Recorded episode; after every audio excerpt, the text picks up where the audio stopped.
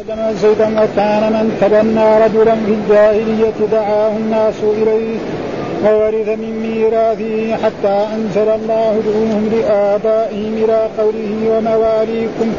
فردوا إلى آبائهم فمن لم يعلم له أب كان مولا وأخا في الدين. فجاءت سهلة بنت سهيل بن عمرو القرشي أم العامري وهي امرأة أبي حذيفة بن عتبة النبي صلى الله عليه وسلم. وقالت يا رسول الله إنا كنا نرى إنا كنا نرى سالما ولدا وقد أنزل الله فيه ما قد علمت فذكر الحديث. قال حدثنا عبيد بن إسماعيل قال حدثنا أبو أسامة عن هشام عن أبيه عن عائشة قالت دخل رسول الله صلى الله عليه وسلم على ضباعة بنت الزبير. فقال لها لعلك أردت الحج؟ قالت والله لا أجدني إلا وجعة.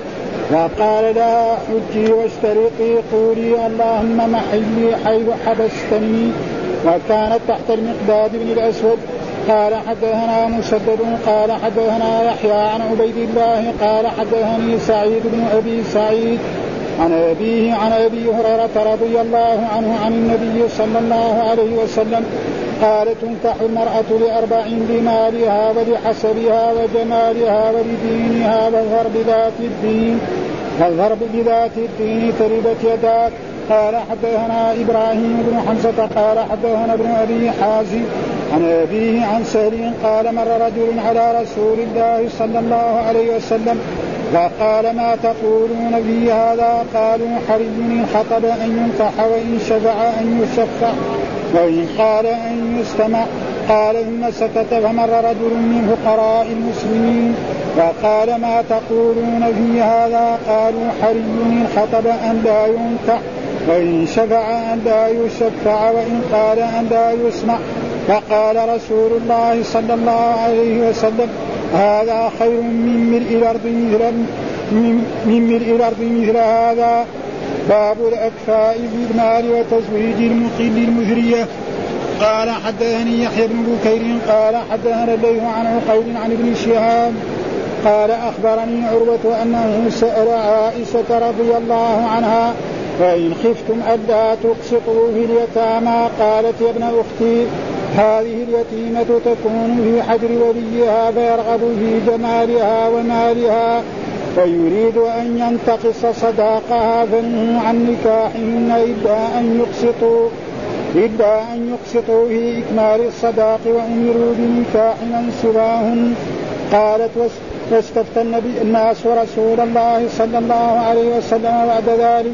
فأنزل الله تعالى ويستفتونك في النساء إلى وترغبون أن تنكحوهن.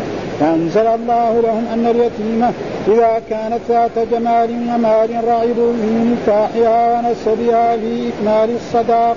وإذا كانت مرغوبة عنها في قلة المال والجمال تركوها وأخذوا غيرها من النساء. قالت فكما يتركونها حين يرغبون عنها؟ فليس لهم أن ينكحوها إذا رغبوا فيها إلا أن يقسطوا لها ويعطوها حقها الأوفى في الصداق. باب ما يتقى من شؤم المرأة وقوله تعالى إن من أزواجكم وأولادكم عدوا لكم. قال حدثنا إسماعيل قال حدثني مالك عن ابن شهاب عن حمزة وسالم بن عبد الله بن عبد الله بن عمر عن عبد الله بن عمر رضي الله عنهما أن رسول الله صلى الله عليه وسلم قال الشؤم في المرأة والدار والفرس قال حدثنا محمد بن منهار قال حدثنا يزيد بن زريع قال حدثنا عمر بن محمد العسقلاني عن أبيه عن ابن عن ابن عمر قال ذكروا الشؤم عند النبي صلى الله عليه وسلم فقال النبي صلى الله عليه وسلم إن كان الشؤم في شيء ففي الدار والمرأة والفرس قال حدثنا عبد الله بن يوسف قال أخبرنا مالك عن أبي حازم عن سهل بن سعد أن رسول الله صلى الله عليه وسلم قال إن كان في شيء ففي الفرس والمرأة والمسكن قال حدثنا آدم قال حدثنا شعبة عن سليمان التيمي قال سمعت أبا عثمان النهدي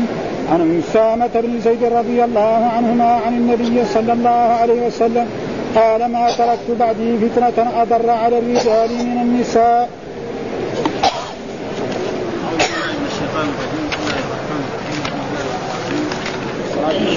سيدنا ونبينا محمد وعلى آله وصحبه وسلم أجمعين. باب الاكفاء في الدين.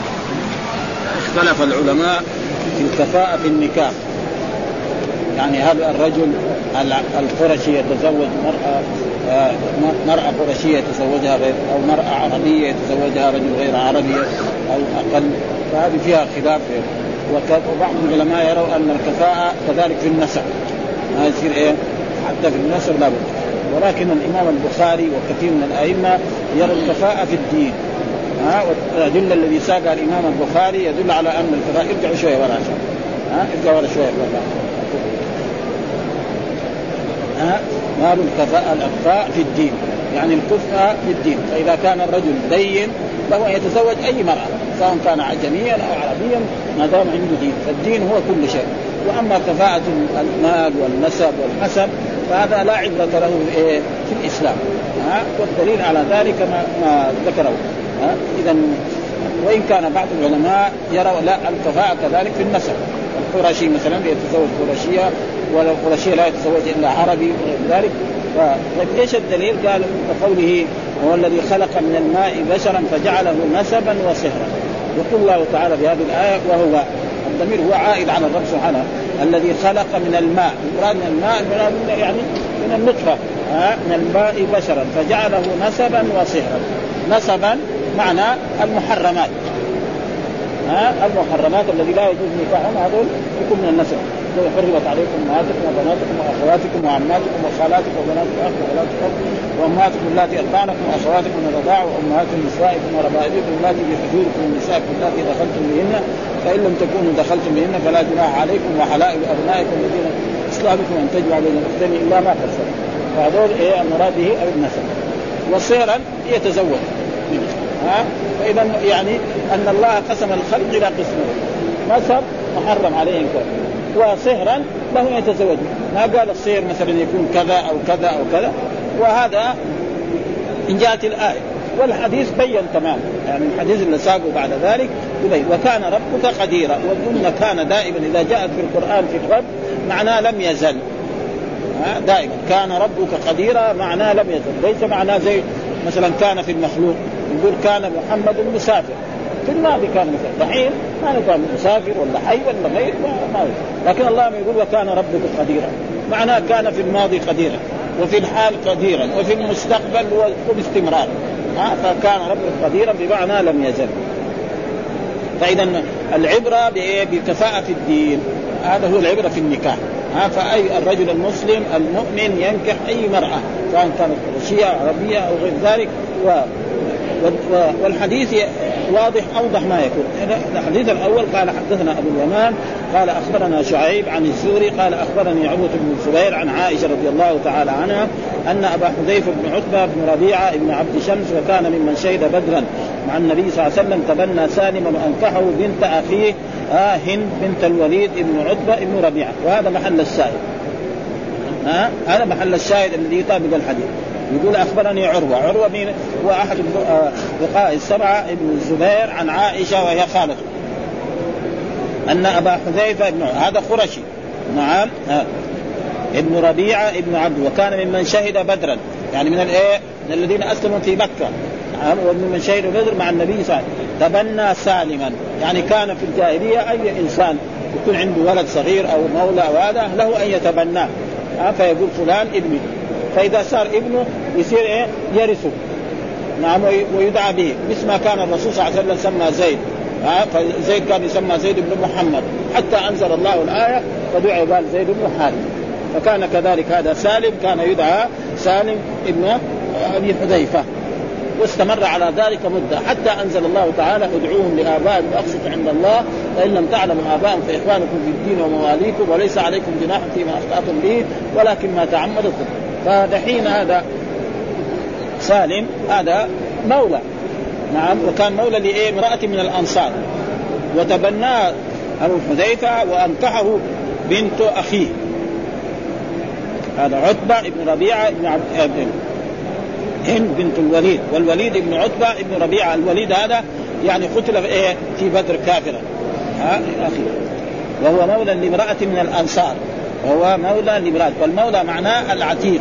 امرأة وكان تبنى كما تبنى النبي صلى الله عليه وسلم زيد. فزيد كذلك كان يسمى زيد بن محمد حتى أنزل الله هذا وكان من تبنى رجلا في الجاهلية دعا, دعا الناس إليه ها دعاه الناس إليه. يقولوا مثلا آه سالم نعم آه سالم مولى آه يعني ابن أبي حذيفة.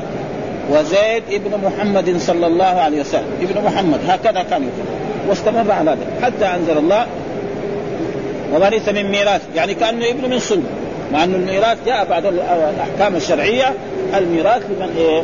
الابن الذي إيه؟ من صلبه. ها يوصيكم الله في أولادكم للذكر مثل حظ الانثيين أما الولد المتبني ده ما ما ما له ونهى عن ذلك. وأي واحد كان متبني إنسان فلازم يدعوه إلى أبيه. فإن كان له أب يقول زيد. مثل ما حصل هذا سالم خلاص دعي إلى أبيه وزيد دعي ابن حارثة. فأنزل الله تعالى ادعوهم لآبائهم يعني ادعوا مواليكم هو اقسط عند الله يعني اقسط أعدل. فإن لم تعلموا ابائهم فإخوانكم في الدين. يعني إخوانكم في الدين. معلوم أن المؤمنون إيه؟ إخوة. قال فردوا فردوا إلى آبائهم. فسالم نعم رد إلى وزيد رد إلى أبيه فمن لم يعلم له أب كان مولا واخا في الدين. كان مولا واخا في الدين يعني فجاءت سهله بنت سهيل بن عمرو. القرشي ثم العامر وهي امرأة أبي حذيفة. لأنه لما كان كما الناس آه، حذيفة وهو صغير كان يدخل على على سهلة هذه وهي في في لباس بيتها. يعني كان يكون راسها مكشوف صدرها برا ويدخل في البيت هو. نعم بصفته يعني متبنى. بعد ذلك كبر. صار عمره 15 سنة أو 20 سنة صار له لحية. فهي رأت أن زوجها مو مبسوط منه لأنه ما هو ابن حكيم ها؟ وهذا فيه خطر. فلما رأت كذلك جاءت إلى رسول الله صلى الله عليه وسلم فقالت ان إن سالم مولى أبي حذيفة كان يدخل علي وأنا يعني في لباس البيت نعم وقد يرى مني مثل راسي مكشوف أو صدري مكشوف وقد رأيت أن أبا حذيفة ما هو مبسوط من ذلك. نطرده وهو رب ربيناه ونشأ عندنا فقال الرسول ارضعيه خمس رضعات تحرمي عليه. قالت يا رسول الله إنه بلحية رجل كبير هذا. قال له ارضعيه خمس رضعات.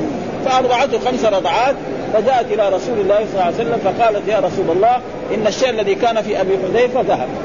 يعني اعتبروا كأنه ابن حقيقي فهذه مسألة فيها خلاف بين الأئمة وبينهم. فكانت عائشة رضي الله تعالى عنها. أي إنسان تريد أن يدخل عليها تروح تروح يرضع من من أختي فلان. وهو رجال. فإذا رضع منها يجي يدخل عليه. أو من مثلا من زوجة أخي ها من زوجة أخي من زوجة أخي خلاص. نعم. فكان اتفاق. أزواج الرسول الباقيات يقولوا لا هذا خصوصية لسامي فحفصة وأم سلمة وأم حبيبة ما هم راضين يقولوا لا. وهذه المسألة فيها خلاف. والأحاديث صحيحة. هذا حديث في البخاري وحديث في مسلم وفي كل كتب السنة. فإذا ما هو الأمر في ذلك؟ الأمر في ذلك مثلا يعني ندرب هذا المعنى. ليس كل مثلا مرأة تبغى تجيب رجل كبير تبغى تدخله في بيته تروح تتبع خمس رضعات. هو لم يمسك ثديها مرأة أجنبية. يمسك ثديها يتلذذ بها. ها؟ إذا فتح هذا الباب خطير جدا. ها؟ ما يصير. ها؟ فمثلا عندهم طفل ربوه في بيتهم وأصبح رجل. فهذا الطفل عندما يصير رجال هذه المرأة كأنها امه في المية 95 ما نقول في المية 100 95 في المية كأنها أمه تماما. 5% يمكن فيها شيء. فإذا أخذته ورضعته خمس رضعات ما في شيء. أما نروح نجيب لنا رجل اجنبي مثلا خادم أو صبي أو أي ولد ونقول نرضع خمس رضعات هذا تقريبا ما يفتح هذا الباب. ها؟ وقد ذكر ذلك. فبعض الأئمة يرى ذلك ومنهم يعني يعني الائمه هذا البخاري ساق الحديث معناه إنه هذا جائز. وكذلك شيخ الإسلام ابن تيميه وكل العلماء يرون ذلك. فلذلك يقول امراه أبي حذيفة يا رسول الله إنا كنا نرى سالما إيه ولدا. يعني كنا نرى لما كان صغير والآن وقد أنزل الله فيما قد علمتم. وادعوهم لابائهم واقسطوا عند الله فإن لم تعلموا اباء فإخوانكم في الدين ومواليكم وليس عليكم جناح فيما أخطأتم به ولا تعمدكم فإيش؟ فقال الرسول فذكر الحديث. كيف ذكر الحديث؟ قال ارضعيه خمس رضعات تحرمي عليه أو الحديث بقيه الحديث. ارضعيه خمس رضعات تحرمي عليه. فأرضعته خمس رضعات فأصبح كأنه ابنة. وجاءت إلى الرسول صلى الله عليه وسلم فقالت إن الشيء الذي كان في أبي حذيفة قد زاد.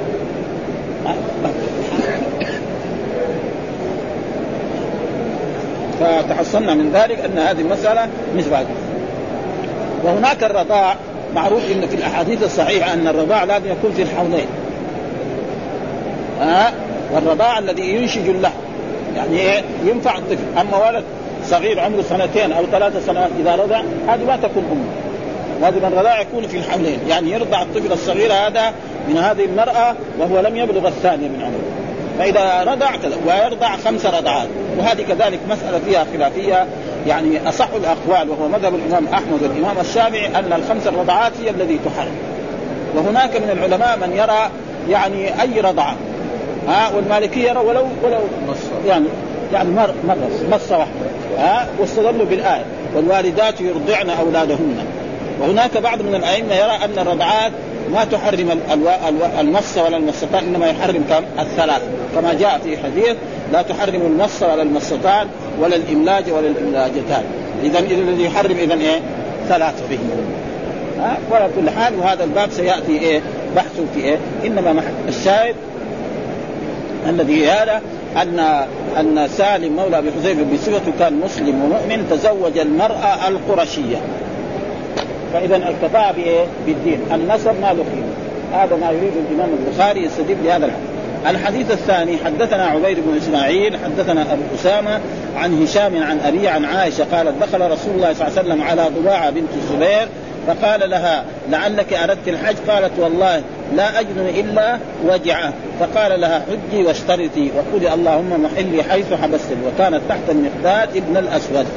يقول في هذا دخل رسول الله على ضباعة بنت الزبير، ضباعة بنت الزبير يعني بنت إيه؟ عم الرسول صلى الله عليه وسلم. يعني قريبا للرسول. واظن من من أعمال الرسول صلى الله عليه وسلم.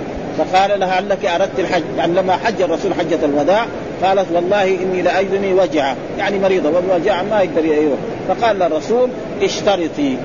آه يعني عندما تريدي أن تحرمي قولوا اللهم قل لبيك حجا ومحلي حيث ما حبستني.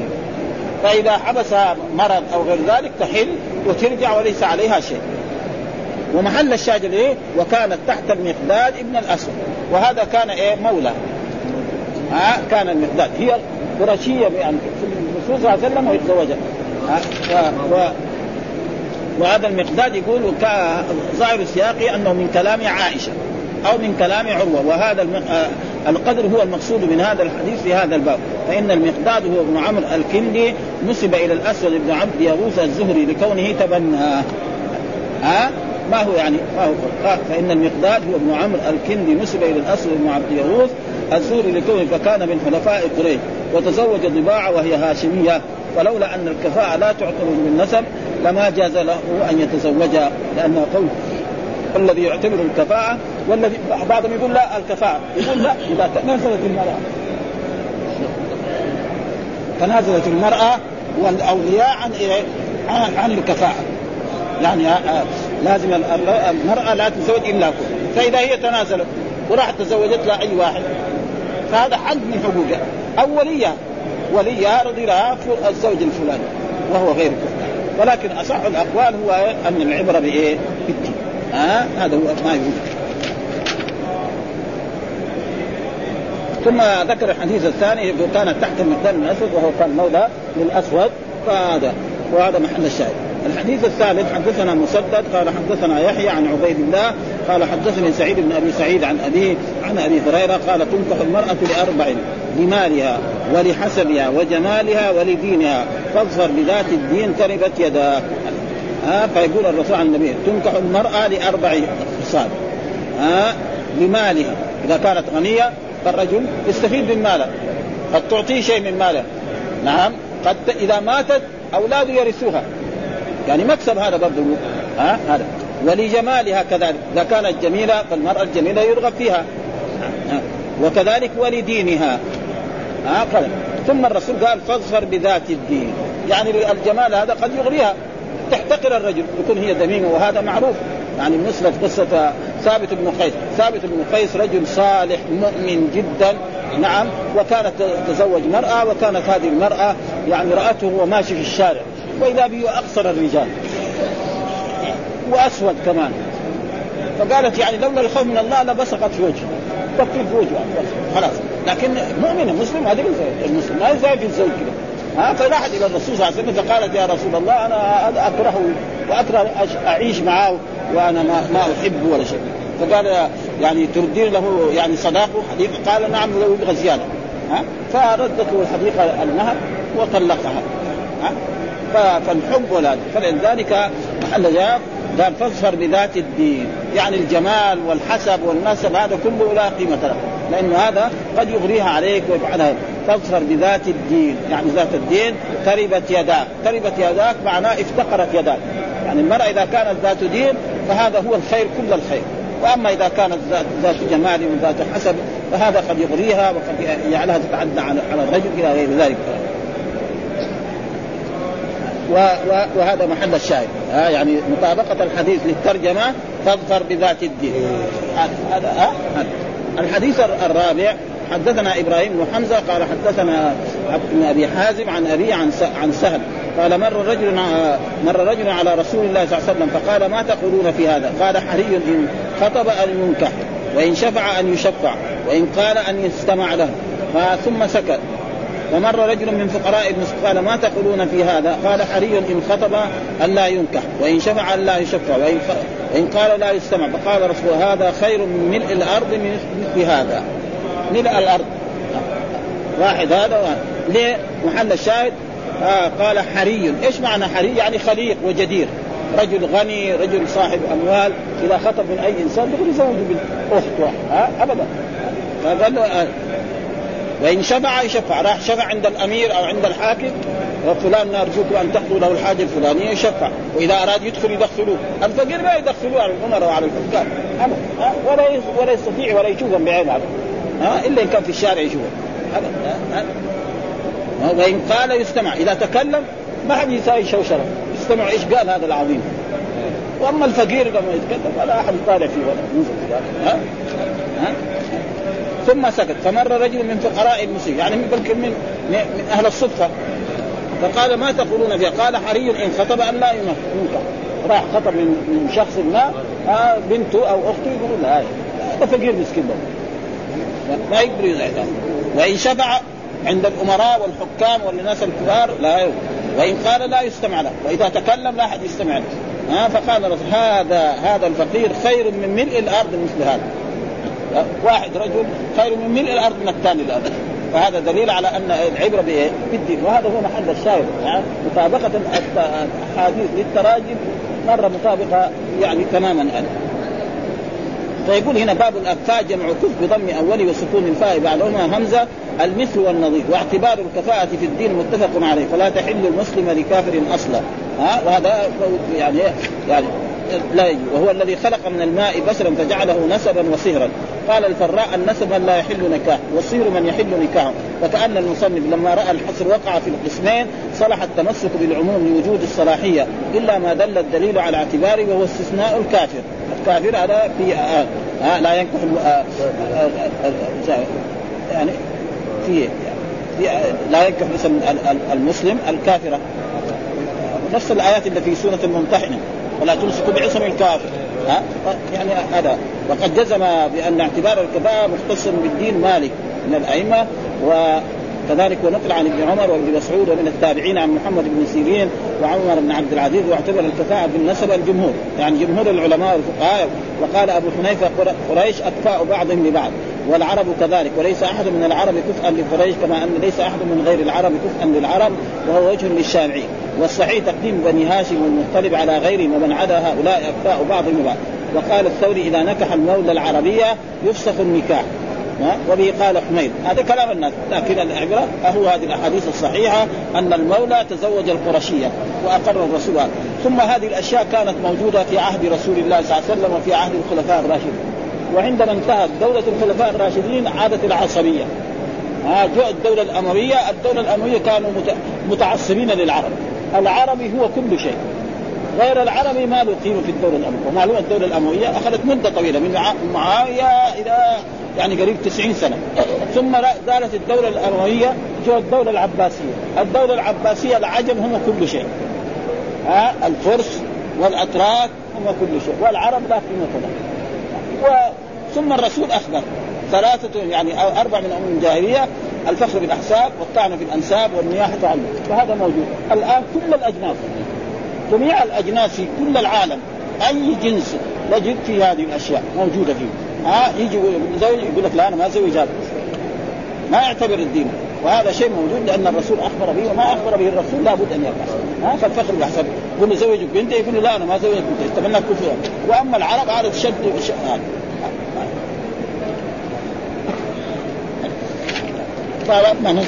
فهذا دليل على ان ثم هذا الرجل يقول النص الحافظ يقول لم يقف على على على على اسمي في يعني في قراءات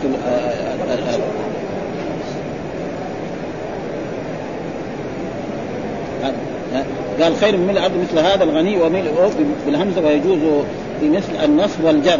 قال إذا كان الأول كافرا فوجهه ظاهر وإلا فيكون ذلك معلوم آه لرسول الله صلى الله عليه وسلم بالوحي. قلت ويعرف المراد من الطريق الآخر الذي تاتي في كتاب الرقاب. ولفظ قال رجل من أشراف الناس. هذا والله حري. وحاصل الجواب أنه أطلق تفضيل الفقير المذكور على الغني المذكور ولا يلزم من ذلك تفضيل كل غني على كل فقير. لا ها؟ ابدا. ثم ذكر باب الأكفاء في المال وتزويج المقل المسرية. ها باب الأكفاء في المال وتزويج المقل. باب الأكفاء يعني برضو في بعضهم يرى أن الكفاءة في إيه؟ في المال. ها؟ يعني في هناك تراجم أخرى انه الكفء بالمال. إذا كان الغني تزوج الغنية. الفقير تزوج الفقير. وتزويج المقل المقل يعني الفقير ها؟ المثرية الغنية هذا معنى ها؟ معناه باب الأكفاء في المال يعني باب يعني ثبوت الكفاءة في المال وتزويج.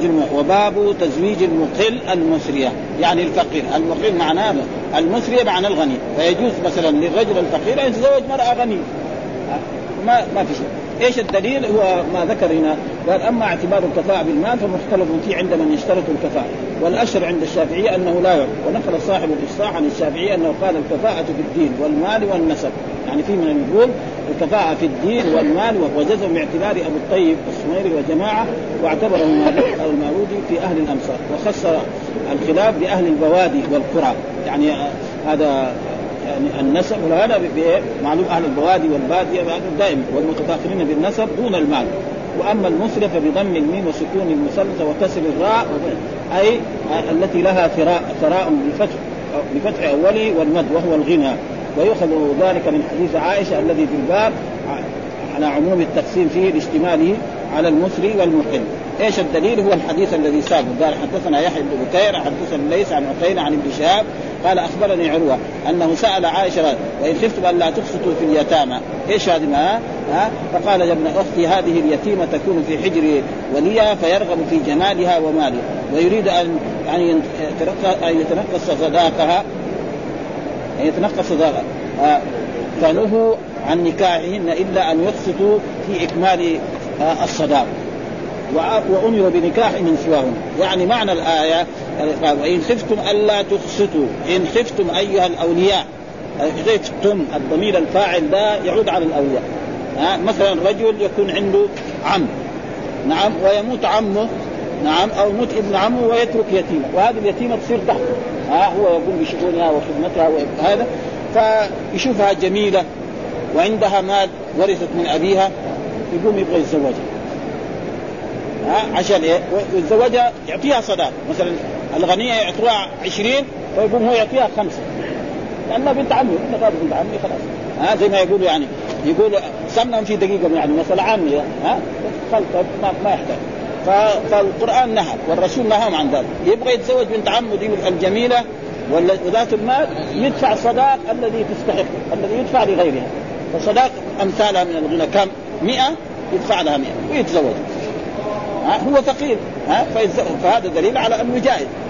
لكن لازم يخسر أما يتزوجها يعطيها أقل. ها وثم نفس الأولياء إذا كانت بنت عمه يعني ما هي جميلة وفقيرة تجد ما يبغى يتزوجها. ولذلك وترغبون أن تنكحوهن.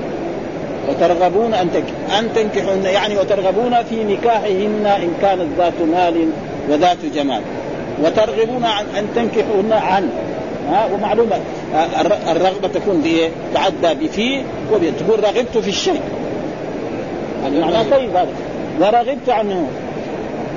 فإذا كانت جميلة وضعت مال فيقول الولي هذا يريد يتزوجها. فإذا يبغى يتزوجها ما في بأس. يتزوجها لكن يعطيها الصداق الذي يعطاها. وإذا كانت فقيرة ما عندها مال نعم هو ما يبغى خلاص زوجها لغيره. وأما كونه يتزوج الغنية دي ويأخذ ولا يعطيها صداقها المعين فهذا نهى عن ذلك. ولذلك تقول عائشة وإن خفتم الا تقسطوا في اليتامى فانكحوا. فإذا خفتم الا تقسطوا في اليتامى ربنا أباح لك. روح تزوج غيرها فانكحوا ما طاب لكم مثنى وثلاث ورباع هذه بنت عمك اترك الغني. وزوجها لشخص آخر وتأخذ صداقها الكامل وإنت إذا ما يكفيك واحدة خذ اثنين. ما يكفيك اثنين خذ ثلاث. ما يكفيك ثلاثة خذ أربعة. ها؟ هذا معنى ها؟ هذا معنى الآية قال وإن خفتم ألا تقسطوا يعني ألا تعدلوا ها؟ في اليتامى بنت عم وبنت خال وبنت ها؟ فهذه قال ابن أختي ها ها ابن أختي هذه اليتيمة، ليه ابن أختي؟ لأنها بنت أسماء بنت أبي بكر وعائشة بنت أبي بكر. آه أختي هذه تكون في حجر وليها فيرغب في جمالها وماله لأنها جميلة ومال ويريد أن ينتقص صداقها. يعني ما يعطيها الصداقة الكاملة إذا غيره يتزوجها ب 100 هو يتزوجها ب 50 يقول هذه بنت عمي وشايف زي ما الناس؟ يقول لك نحن سمنا في دقيقة ما يحتاج واحد ياخذها ها؟ نكاح. الا إلا تقصد في إكمال الصداق وأمر بنكاح من سواهن. سواهن فانكحوا ما طاب لكم النساء مثنى اثنين وثلاثة ثلاثة نسوة ورباع ثم بعد ذلك قال فالمسلمون الصحابه استفتوا استفتى الناس رسول الله بعد ذلك في ذلك. فأنزل الله تعالى يستفتونك في النساء قل الله يفتيكم فيهن. ما يتلى عليكم في الكتاب في يتامى النساء اللاتي لا تؤتون ما كتب لهن وترغبون أن تنكحوهن. ها وترغبون فإن كانت ترغب في نكاحهن أعطوهم حقهم. وإذا ترغب في عن أن تنكح ما تبغى لانها ما هي جميلة وما هي هذا نعم فيزوجها لأي إنسان. فأنزل الله تعالى لهم أن اليتيم إذا كانت ذات جمال ومال ورغبوا في نكاحها ونسبها في إكمال في إكمال الصلاة. وإذا كانت مرغوبة عنها في قلة المال والجمال تركوها وأخذوا غيرها من النساء. قال فكما يتركونها حين يرغبون عنها. ومعلوم دائما رغب تقول رغبت في الشيء ورغبت عنه. فليس له أن ينكحها إذا رغبوا فيها إلا أن يقسطوا ويعطوها حقا اوفى من الصداق. هو الأوفى من الصداق فإذا فعلوا ذلك فهو يتزوج بنت عمه وبنت خاله وإذا كان لا ما يريد أن يعطيها حقها كامل وصداقها الكامل فيروح يتزوج من النساء من واحدة إلى اثنين إلى ثلاثة إلى أربعة. وهذه يتركها ويزوجها لأن هذا عزل وهذا الحديث تقدم يقول في سورة النساء ومر علينا غير ما مر. ثم ذكر باب ما يتقى من الشؤم من شؤم المرأة وقوله تعالى إن من أزواجكم وأولادكم عدوا لكم. آه ما يتقى من شؤم المرأة. يعني المرأة قد يكون فيها شؤم. آه تكون. والآية تدل. قال إن من أزواجكم. أول شيء. من أزواجكم وأولادكم عدوا لكم. فالمرأة قد تكون شؤم للرجل. ها آه إن من أزواج ومن هنا للتبعيض. يعني ليس كل زوجة شؤم. بعض الزوجات. ها احسن ما يكون فلذلك من هنا من بالتبعيد إن من أزواج. يعني بعض الأزواج قد تكون شؤم عن الرجل نعم. تكون بديئه اللسان نعم يعني عاقر لا تلد فهذا من شؤم المرأة. رجل يتزوج مرأة وتقعد عنده لا تلد ولا شيء بس تأكل بلاش فهذا من شؤم المرأة معه. فلذلك قال إن من أزواج وأولادكم والأولاد كذلك يصيروا شؤم ها رجل مسلم صالح ربنا يبتليه برجل ولد فاجر. يتعبه في طول العمر. ها حتى يؤدي إلى أشياء مال ها عدوا لكم فاحذرون إيش الدليل؟ قال حدثنا إسماعيل قال حدثني مالك عن ابن شهاب عن حمزة وسالم بن عبد وسالم يعني ابني عبد الله بن عمر.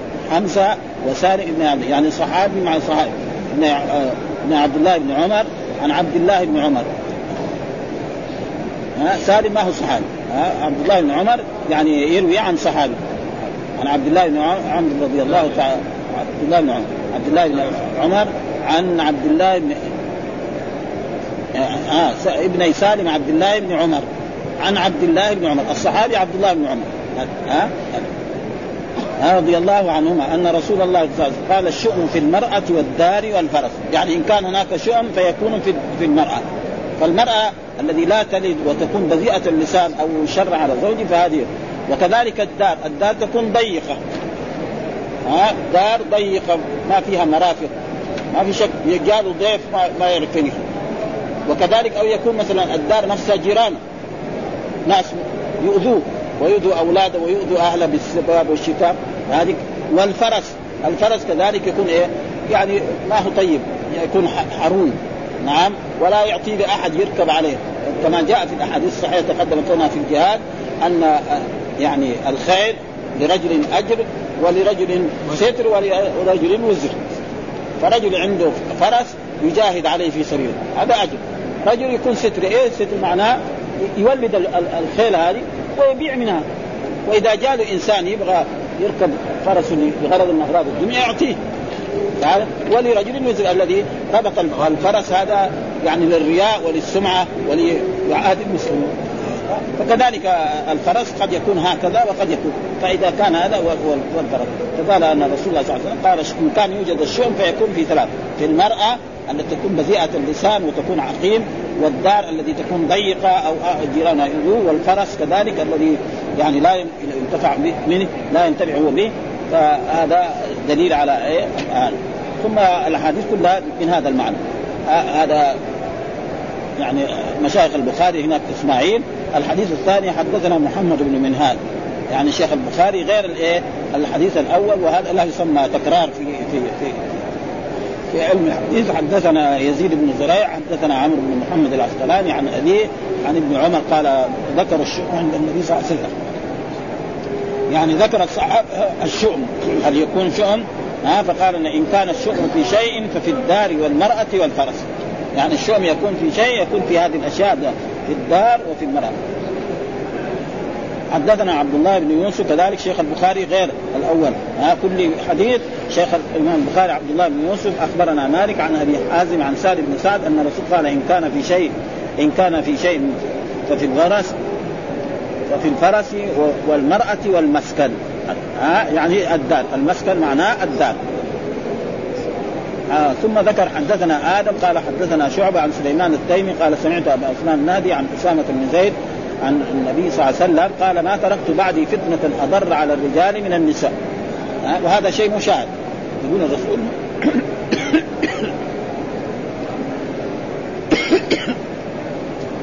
ما تركت بعدي فتنة أضر على الرجال من النساء.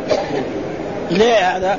السبب في ذلك أن المرأة يعني فيها فيها أشياء تغري الرجل. نعم. وتؤدي إلى مثلا إلى إلى أكل الحرام. تطالب بأشياء. تطالب بهذا واشياء ها؟ قد تؤدي كذلك الفجور. قد تؤدي إلى أشياء فلأجل ذلك ذكر إيه؟ والقرآن مثلا قال في النساء آه إن كيدكن عظيم. وقال في آية في إن كيد الشيطان كان ضعيفا.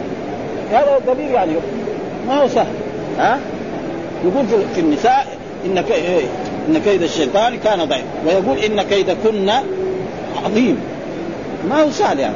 ها؟ ولها يعني شيء من هذا ولذلك وكذلك قال آه، من الآيات التي تدل على ذلك قال زين للناس حب الشهوات من النساء. أول شيء النساء. وهذا مصداق ما قال الرسول. ما ترك فتنة أضر على الرجال من النساء.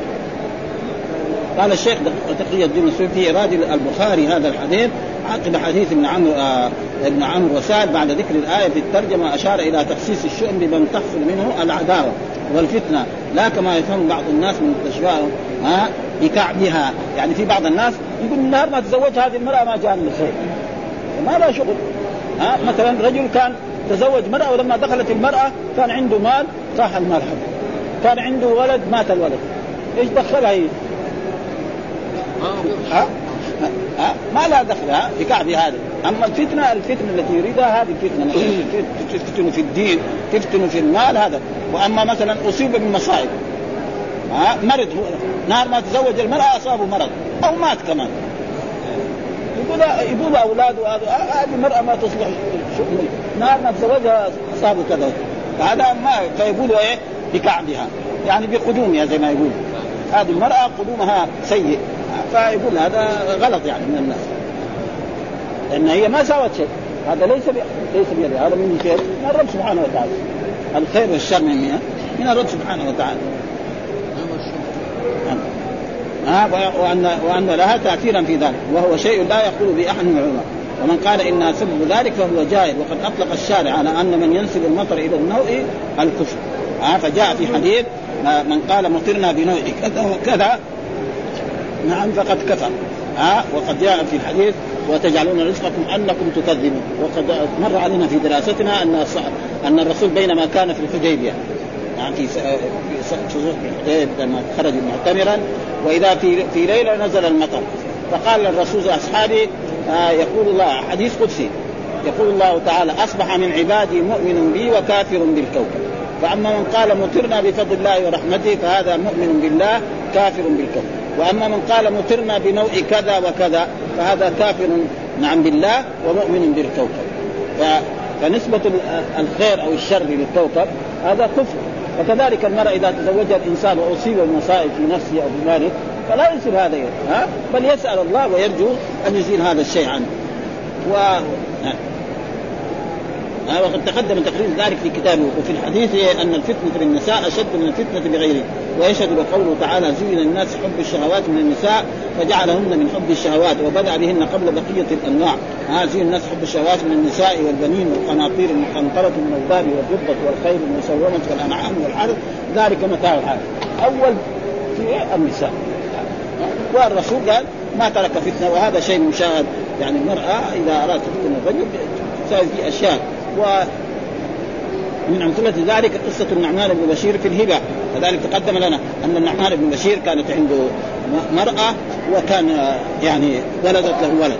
فأراد أن يقدم له هدية. وهذه الهدية إما عبدا أو غلام فأراد. فهي كذلك الأم يعني أرادت تثبت هذا. عشان لا بكرة ينكر. ها؟ فقالت لا أقبل حتى تشهد الرسول على ذلك. فلما جاء إلى الرسول صلى الله عليه وسلم فقال إن إن يعني زوجي منح ابني هذا هبة. فقال له كل ولدك أعطيته هذا؟ قال لا. آه فأمر الرسول برد هذه الهدية الهبة وقال إني لا أشهد على جور فقال له الرسول هل تحب أولادك كلهم يبروك ولا لا؟ لا يجوز للأب أن يعطي بعض أولاده مال ويترك الآخر أو يقدم لهؤلاء هدية ويترك هؤلاء. إلا الشيء البسيط الشيء البسيط مثلا طالب يدرس وطالب ما يدرس. فاذا أعطاه له شيء من المادة مثل هذا ما في شيء. أما يعطيه يزوجه. إلا كان يزوجهم كلهم. يساعده. هذا يمكن. أما يعطي له شيء خصوصا من الأشياء الاساس مثلا يعطي له عبد يعطي له حديقة يعطي له بيت.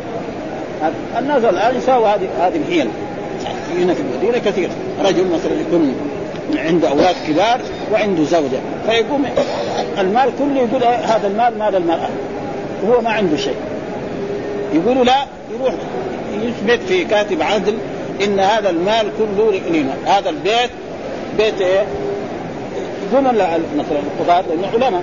يقول لا نحن يقول أنا بعت بيتي هذا لزوجتي هذا وقبضت المال. إيش يسوي؟ يقول كذا بهذه بهذه الطريقة يسوي هذا؟ يقول أنا بعت بيتي هذا مثلا بنصف مليون لزوجتي وتسلمت المبلغ منها. كذا بهذه الطريقة ها يصير اولاده الثانيين ما يحصلوا شيء. خصوصا الكبار أو بينه وبينهم مشاغب. هذه كلها أشياء لا تنبغي للإنسان أن يفعل مثل هذه الأشياء ابدا.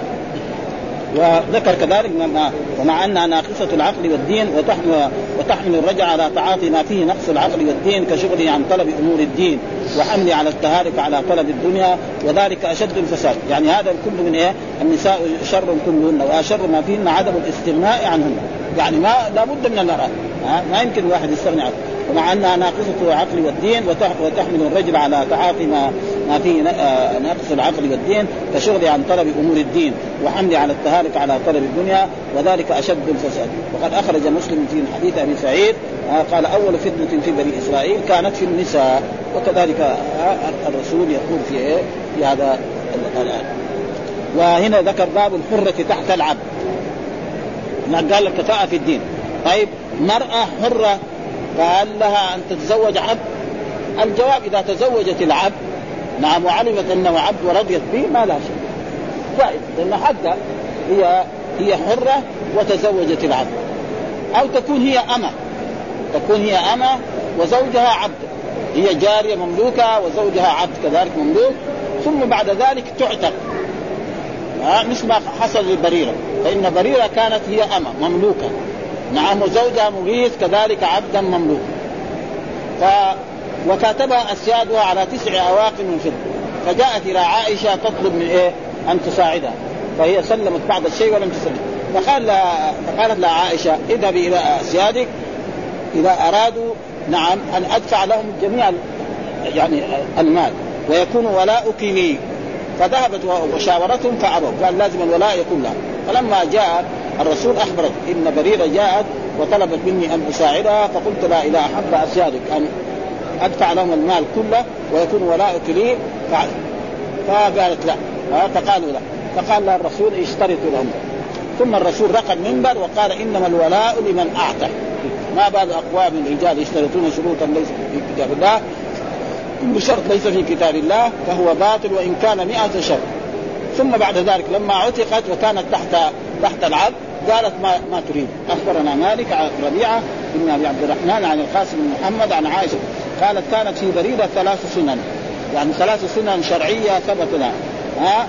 أعتقت فخيرت لما أعتقت خيرت فإذا كل اما تكون تحت عبد وتعتق فلها الخيار. إن أحبت تبقى مع العبد زوجها العبد تبقى. ما أحبت تفسخ نكاح.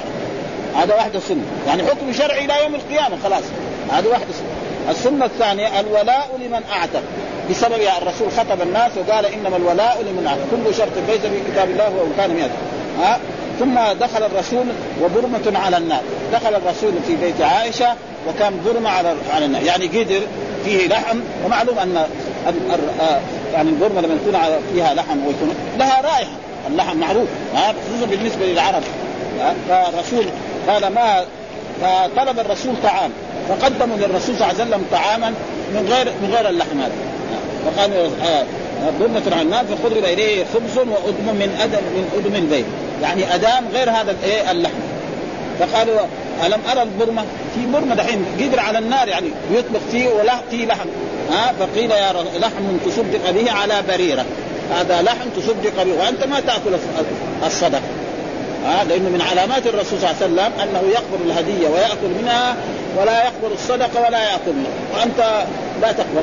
فقال لا هو عليها صدقة ولها منا هدية. يعني قدم فهذه ثلاث سنة وهذا الحديث يعني كم مرة مر علينا في دراستنا؟ عدة مرات. والبخاري سيكرره عدة مرات في الولاء هناك كرره أول وهنا دحين يكرره في إيه؟ إلى غير ذلك وهذا أشياء وسيأتي بعد ذلك في الطلاق كمان. والحمد لله رب العالمين وصلى الله وسلم على نبينا محمد وعلى آله وصحبه وسلم.